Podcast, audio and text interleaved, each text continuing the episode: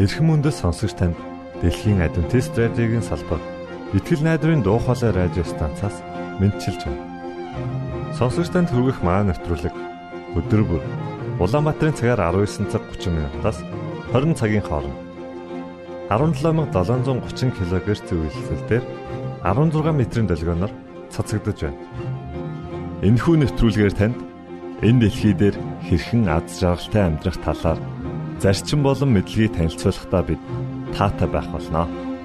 Таныг амарч байх үед аль эсвэл ажиллаа хийж байх зур би тантай хамт байх болноо.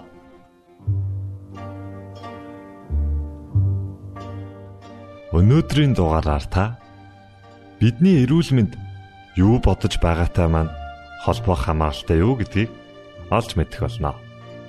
Харин уран зохиолын цагаар Арчи хүүгийн багын мөрөөдөл түүний гэр бүлийн хүмүүс хэн байсан? Мөн түүний амьдралын талаар хамтдаа сонсох болно. За ингээд танд нэвтрүүлгүүдэд хүргэж байна.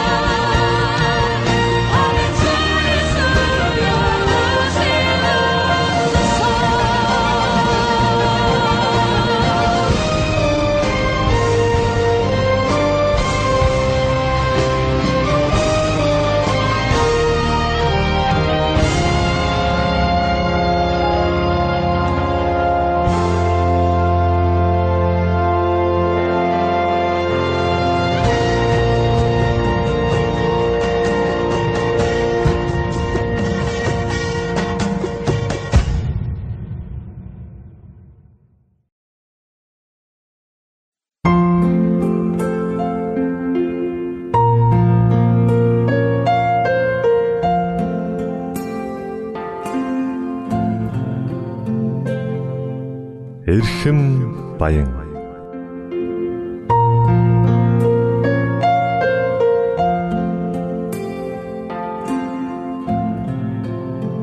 Эрүүл амьдрах арга ухаан зөвлөмж тайлбарыг хүргэдэг Эрхэм баян нэвтрүүлгийн шин дугаар эхэлж байна.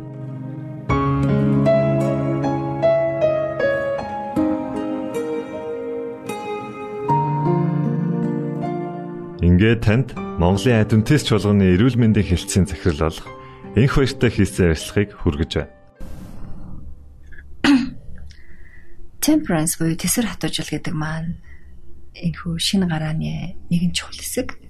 Тэр хүний амьдрал маань өдөр бүхэн өөрийгөө ялгах амьдралд амьдралд ор байдаг гэж хэлмээр байна. Яагтвэл хүний тарих маань уурах тарих гэдэг маань маш залхуу хэрэгтэй байдаг. Дээрээс нь би сайхан мэдрээ мэдрэмж сайхан таашаал гоё байдлыг л хүсэж байна гэдэг хэрэгтэй юм л да. Тэр энийг хангахын төлөө бид нараа уурах тарихын бодол санааныхаа боол болж амтрах уу уурах тариханд үйлчлж амтрах уу эсвэл уурах тарихаа удирдах зөв мэдээллийг өгч зөв тохиолол а болон сахилга батжуулж амтрах уу гэдэг маань хувь хүний сонголт болдог. Тэгэхээр бурхан бидний бүтээхдээ маш их гайхалтай бүтээсэн л дээ. Бидний бие махбод эргэтэн систем тогтолцоо маань төгс зохицолтойгоос гадна а бид нар аливаа зүйлийг тэнцвэртэй хэрэглэж байхаар бүтээгдсэн байсан. Тэр үедээ бид нар төгс маш эрүүл сарвал байсан л да анхны эдэн цэцэрлэгийн амьдралын үед. За ингээд уруу таталт буюу аливаа зүйл тархиныхаа сул талд гэх юм уу да тий одоо дарангуулагдж ихсэн цагаас эхлээд хүний амьдралд үүнээс улбаатай хохирлтой эрсдэлтэй зүйлүүд нэмэгдсэн. Өөрөөр хэлбэл гэм нүгэл энэ дэлхий дээр бий болсноосоо хойш хүний эрүүл мэнд маш их дөрөөдч эхэлсэн байдаг. Тэгэхээр төвчээр гэдэг зүйл маань яагаад энэ сүнслэг байдалтай холбогддог вэ гэхээр хэрвээ хүн ихтгэл бишрэлтэй байгаа бол хүн өөрийгөө зоригтойгоор хянах боломж тогтдог.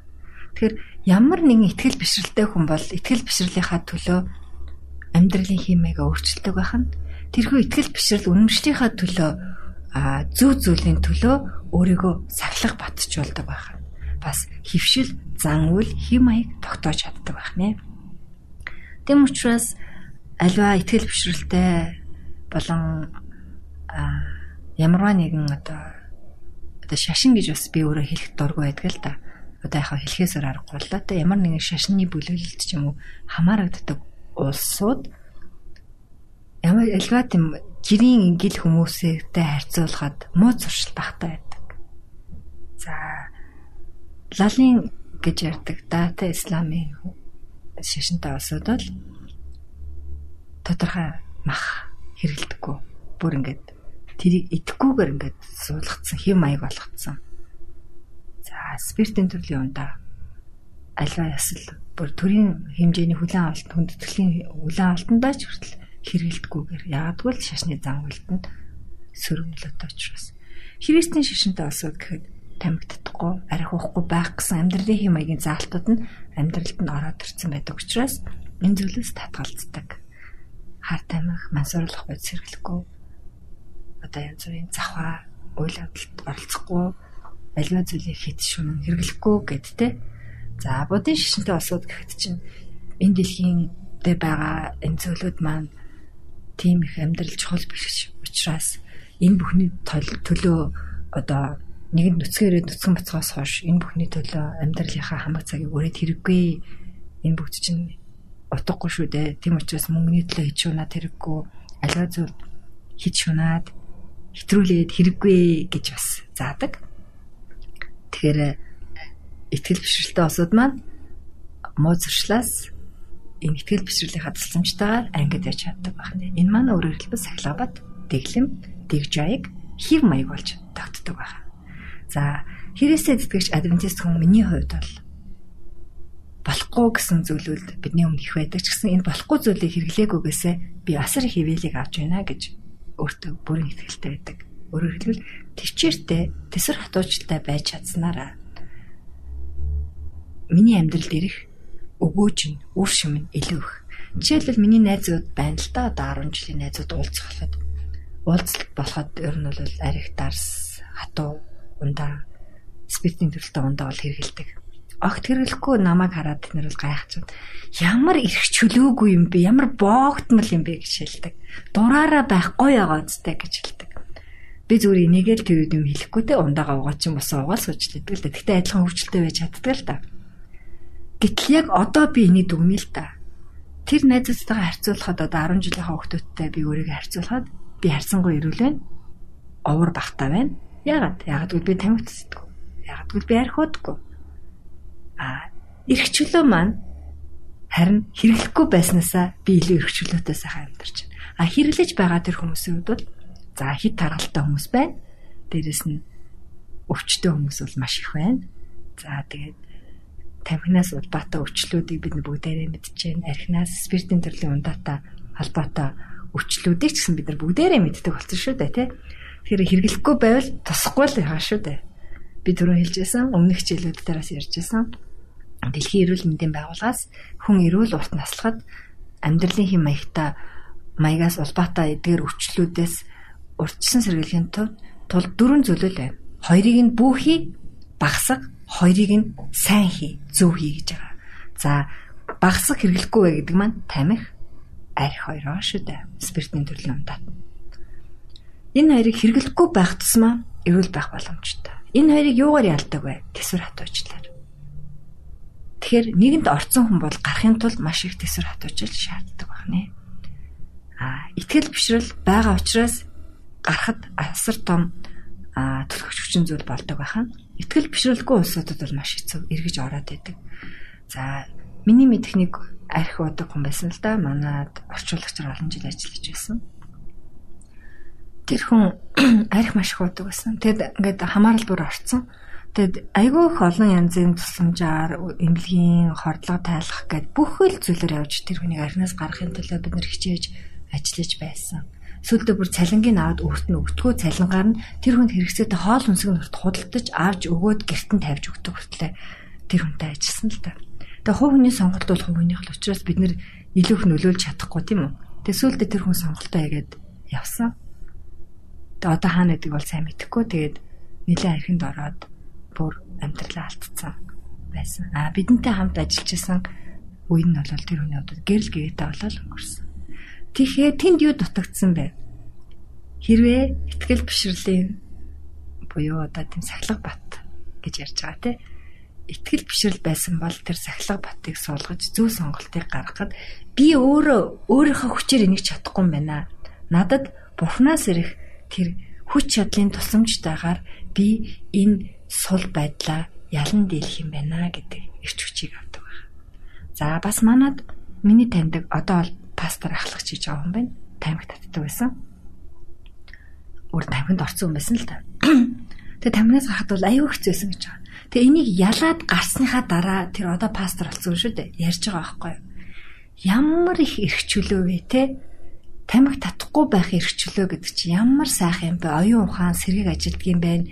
Альва зүйлээс ингээ хамааралгүй ангид амьдрах гэдэг маань бурханд бүрэн үйлчлэх үйлчлэлийг мань улам илүү итгэжүүл чанаржуулдаг юм байна. Би улам илүү хаад шаргалтай баяр хөөртэй болсноос гадна гэр орондоо зарцуулах цаг маань нэмэгдсэн. Дээрэс нь миний санхуд бас те айгуу тийм том хөрөнгө оруулалт болж гисэн. Өөрөлдвөл тамхи татснараа маш их мөнгийг зүгээр үн суулгаа шатаагаад хайдаг байсан байлээ гэж ярьж байгаа байхгүй юу. Тэгэхээр энэ хүнд юу нөлөөсөн бэ? Цэвэр итгэл бишрэлийн сахилга бат байсан учраас энэ хүн чинхүү хүслээр бурханд өөрийгөө даатгах чадсан учраас би өөрөө чадахгүй байгаа шүү дээ нөгөө архинд ороод өөрөө би дийлэхгүй нь ерөөсө болиё гэд э, би нэгэн чадахгүй юм чи ингээ бууж өгсөн хүн байна. Нөгөөт нь би чадахгүй байна те. Гэтээ бурхан та надад туслаач хүч чад хайрлаач гэж хүссэн учраас бурхан бүхнээ даатгаж өгсөн учраас тамхинаасаа бүрэн гарсан. Бас арх удаг байсан пяв удаг байсан ч юм уу те. Тийм бас сүмд одоо явдаг хүмүүс байна гарч чадсан. Юугаар гарч чадсан? Намайг хүчрхөвжүүлэгч, надад хүчийг өгөгч эзэн бурхан Есүсийн тусламжтайгаар би хийнэ. А би өөрөө бол чадахгүй нэ Филиппед дөрөв дөрөв Филиппед дөрөв дөрөв шүү дээ. Би өөрөө бол чадахгүй миний хүч чадал бол мөхс юм. Харин надад хүчийг өгөгч тэр нэгний тусламжтайгаар үүнийг би хийж чаднаа гэж итгэсэн учраас Үүнийхээ төлөө сахилга баттай байж чадсан учраас энэхүү хорц зуршлуудаас даван тулсан байна. Даван гарч чадсан байна. Ялдан турсан байна. За надад бас нэг асуулт байна л да. Бид нэр хорц зуршлууд гэж ярьж байна. Аа. Миний бодохоор энэ төсвөр хатуужил төвчээр гэдэг зүйл маань бас бидний өмнө ярьж байсан тэр хоол хүнс те за мөн дасгал хөдөлгөөн эдгээр зүйлсээс орж ирэх юм шиг. Яг зөв. Би сая яг өргөжлүүлээд ярих чийлээ л да. Тэгэхээр тэсэр хатуужил гэдэг маань зөвхөн хорц зуршлыг ялан дийлэхээс дийлэхэр хязгаарлагдахгүй байх нэ. Энэ маань өдөр тутмын амьдрал энэ зүйлийг хэрэглэдэггүй хүмүүс жишээлбэл хит их ажиллаад ажилдаа хамаар ажлаас хамааралтай болсон байж болно шүү дээ. Өөрөөр хэлбэл ажлын цаг дуусаад хад өргөжлөлт ажиллаад байж болно. За дээрэс нь хит их одоо сошиал медиагийн донтолтонд орсон байж болно шүү дээ. Хит их. За дээрэс нь аливаа зүйлийн одоо тэнцвэртэй биш байдал алдагдахаараа л хамааралд орчод байгаа шүү дээ. За хит их иддэг болцсон байж болно. А хит хамттай иддэг байж болно. Хит эрүүл хэв маягаар өвчлцэн бас байж болно. Бусдыг шүүдэг ч юм уу. Эсвэл бол нэг зүйлийг хит их туушруулан хэрэглээд өө ус сайн ингээл зөвхөн ус уугаад иддэг болчдөг ч юм уу тий. Зөвхөн алим сайн ингээ ганцхан алим иддэг ч юм. Энэ бол бас л туушрал.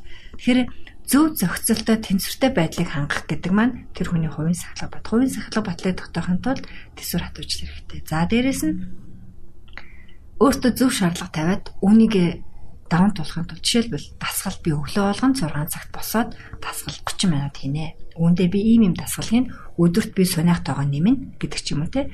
Энийг төсвөр хатуужилтаагаар хийхин тулд би яг өөртөө урам зориг өгөхин тулд үргэлж тархинда мэдээллийг зөвөр суулгаж байна. Энэ мэдээллийг суулгахын хэрээр миний оюун ухаан тэр чигээр одоо ажиллаж хүлээж авна шүү дээ. Дээрэс нь энэ маань яаж байгаа надад суулгаж байгаа төсвөр хатуужил буюу сахилга бат. Хоёр зэрэгцэж яваад байна шүү дээ, тийм ээ. Тэгэхээр төсвөр хатуужил гэдэг маань зовлон даван тулах хүч гэдгээр ихвчлэн хүмүүс ойлгодог. Хэцүү үеийг даван тулах. Тийм ээ мөн. Дээрэс нь муу зуршлаас ангижрах даван тулахад төсвөр хатуужил хэрэгтэй байдаг юм байна аливаа зүйлийн хим тэнцвэрийг зохицуулахын тулд төсвөр хатуужил хэрэгтэй байдаг юм байна. Дээрэс нь өөрийгөө ялан дийлэхэд муу хүслээ ялан дийлэхэд төсвөр хатуужил хэрэгтэй байдаг юм байна. Зөвхөн зовлонг бас твчих биш мөн жаргалтай зүйлүүд багш те зарим нэг гоё амттай зүйлүүд тэдгэрийг бас тисхийг бас тисцэр хатаж хэлээ. Тийм яг над чинь хувийн сахилга батар шууд холбоотой. Жишээлбэл ялгаа зүйл хитрээд ирэхээр тэнцвэр алдагдаад ирэхээр гоё юм дандаа гоё гэдэг дахаараа жишээлбэл энэ гоё штэ миний хүүхдээ тэр гоё гэдэг дандаа чихэж юмс амттнаар холоод байл хүүхдийн өвчин хураана. Яг үүнтэй адилхан төсөр хатууч гэдэг маань энэ хинжээгээр хэрэглэлээ одоо болно. За энийг хэрэглэе. Жишээлхэд би одоо өглөөний цайн дараа obvious-ыг дандаа хэрэглэхийн тулд би надаас маш их төсөр хатууч шаардсан. Эхэндээ айгу амтгүй муухай байсан, аргуун байсан, зэжлүүртаа тийм их тийм сонин олсч идэт байгаа ч юм шиг те. Одоо бол надад зүгээр усан чанцсан obvious-ыг би итгэхэд миний оюун ухаан шууд хүлээж авдаг. Ходоод дуртай хүлээж авдаг. Яг л ихлээр тархиндаа мэдээлэл зүйл суулгасан байх хэрэгтэй шүү дээ.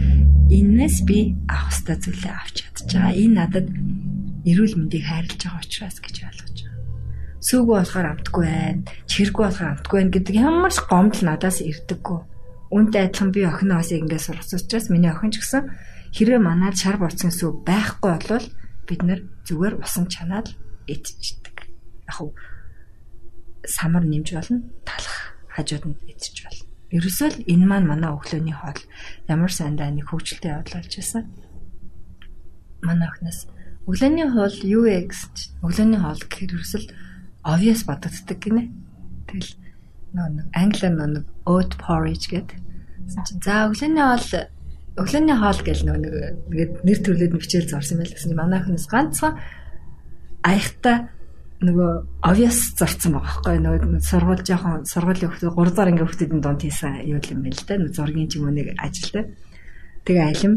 Тэгээ самар зурцсан байсан. Айгуу ч онсон хүүхдөөс нь ч айгуу баялаг юм зурцсан байсан гэж байхгүй. Тэр тэгээ манайх надад дээр ярьжсэн ээж өглөөний хоол чи айгуу олон юм байд юм биш үү ийм юм юм байд юм бэ та бид нар болохоор ганцхан obvious идэд идэг Гэтэл өглөөний хоол чинь маш баялаг юм байна шүү дээ. Хон өчтөрийнхөө хоолыг хөтөл өглөөний хоол болгох юм байна шүү дээ гэж ярьж ирээсний бодгоор инээд тэр. Тэгэхээр а оюун ухаанда тархинда зөв мэдээлэл өгөөд суулгачих юм бол бидний амтлах мэдрэмж амтлах одоо мэдрэхүү маань яг түнчлэн үлддэг байна шүү дээ. Би бас нэг зүйл сонсч байсан юм байна. Хүний хэлний эсүүд 2-7 хоногт өөрчлөгдөв. Тэгээд хүн ямар одоо халуун ногоотой хоол идэх дуртай ч юм уу те эсвэл айгүй их давстай хоол иддэг бол 2-7 хоног тэсэд те тийм хоолоо идэхгүй айгүй баг давстай ингээд тэсэд идэх юм бол 2-7 хоногийн дараа за 3-7 хоногийн дараа тэр нь ингээд энгийн хэвийн болчдөг хүний бие гэж. За 2-7 хоног гэж яхаа ярьдаг л та. Гэхдээ ийм л дээ алай шин хөвшлийг дадлыг суулгахад 4-7 хоног шаардлагатай байдаг. Өөрөөр хэлбэл behavior а шин одоо зан үйлийг суулгаж гэнэ гэсэн үг шүү дээ. Тэ нөө behavior судлаачд гэж байдаг л та. Тэр хүмүүс болохоор ерөөсөө л доотлон 4-7 хоногийн тэр хүнд өгч. Альва өөрчлөлт хийхэд амтлах болон идэх хоолныхоо дэглэмт. Тэгэхээр давсан дээр яг хилний эс 2-7 хоногт 14 хоногт нэг удаа өөрчлөгддөг тийм. А тэгтээ хилний давсыг мэдэрдэг хэсэг бол ерөөсөө нэг л газараа байж л байгаа. Эс өөрчлөгдсөн ч гэсэн. А тэр мэдрэмжийг өөрчлөх сэтгэлийг суулгахад 4-7 хоног шаардлагатай 2-7 хоногийн дараа яг дасаж эхэлдэг байхгүй яг энэ нөгөө 4-7 хоногийн оргил үе. Тэгээд дараагийн 2-7 хоног сурж эхэлдэг. За ингээд 5-7 хоногоос тоохоо ойлдог. Өө юм л яддаг штэ гэх. Тэр би бас манайх давс хоолндоо нэмэлт давс хэрэгэлдэггүй. Аа хүмүүс ирээд хүүээс амнаас унлаа гэдэг. Гэтэл манад тийм мэдрэмж унлаа гэсэн мэдрэмж байдгүй байхгүй манад бол ингээд сургацсан учраас. Тэгэхээр альва шин хев маягийг болон дадлыг хэвшүүлэхийн тулд 2-4 7 хоног бол хангалттай. Эхний 2-7 хоногт нь орхиж болохгүй нь шүү дээ. Барьчлаа. Дараагийн 2-7 хоногт нь сургах хэрэгтэй учраас 4-7 хоногийн дараа төвчжээж бүх зүйл яах нь өглөөний хоол иддэггүй хахад 4-7 хоног 28 өглөөний хоолыг зураг зурчихл та. Зурсан өдөр болгон дээр эдсэн өдөр болгон дээр өөрөө тэмдэг тавилдаа стикер наадаг ч юм уу те. Би энэ өглөө хоол идчихлээ. Хоол идчихлээ гэл ингээл Ингээл өөрийгөө урамшуулаад яваад байх юм бол энэ нас юу вэ? Нөгөө тэсэр хатаж шүү дээ, тийм өөртөө цахилгааттай хандж байна л гэсэн. Тэгэхээр альва зүйлийг тохируулан хэрэглэх гэдэг маань маш их хувь хүнээс тэсэр хатууж шаарддаг байх нэ. Үүнийг суулгахын тулд хүн өөрөө чаддгүй байх нь хүн бол мөхөс. Яг бол хүний тарих угаасаа амиа хичээсэн бодолтой гэж би хэлсэн тийм үү. Тэгэхээр бурхнаас ирэх хүч чадал түүнээс ирж байгаа цэцэн мэрэгэн ухааны тусламжтайгаар зөв шийдвэрийг гаргаж зөв сонголт хийгээд Бурханаас ирж байгаа хүчээр төсвөр хадуурчийг суулгаж бид нэр амьдралдаа ялалт байгуулах боломжтой юм аа. За энэ 13.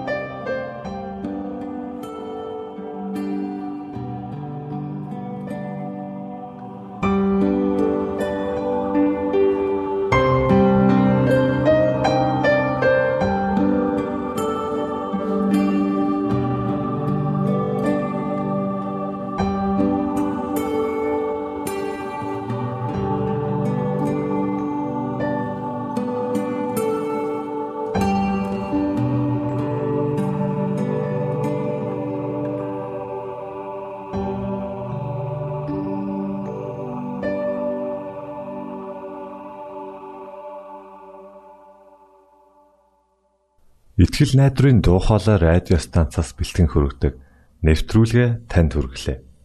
Хэрв та энэ өдрийн нэвтрүүлгийг сонсож амжаагүй аль эсвэл дахин сонсохыг хүсвэл бидэнтэй дараах хаягаар холбогдорой. Facebook хаяг: Satiin үсгээр Монгол заавад AWR Имэйл хаяг: mongol.awr@ gmail.com Манай утасны дугаар 976 7018 24 9 Шуудангийн хаяцаг 16 Улаанбаатар 13 Монгол улс Биднийг сонгон цаг зав аваад зориулсан танд баярлалаа. Бурхан таныг ивээх болтугай.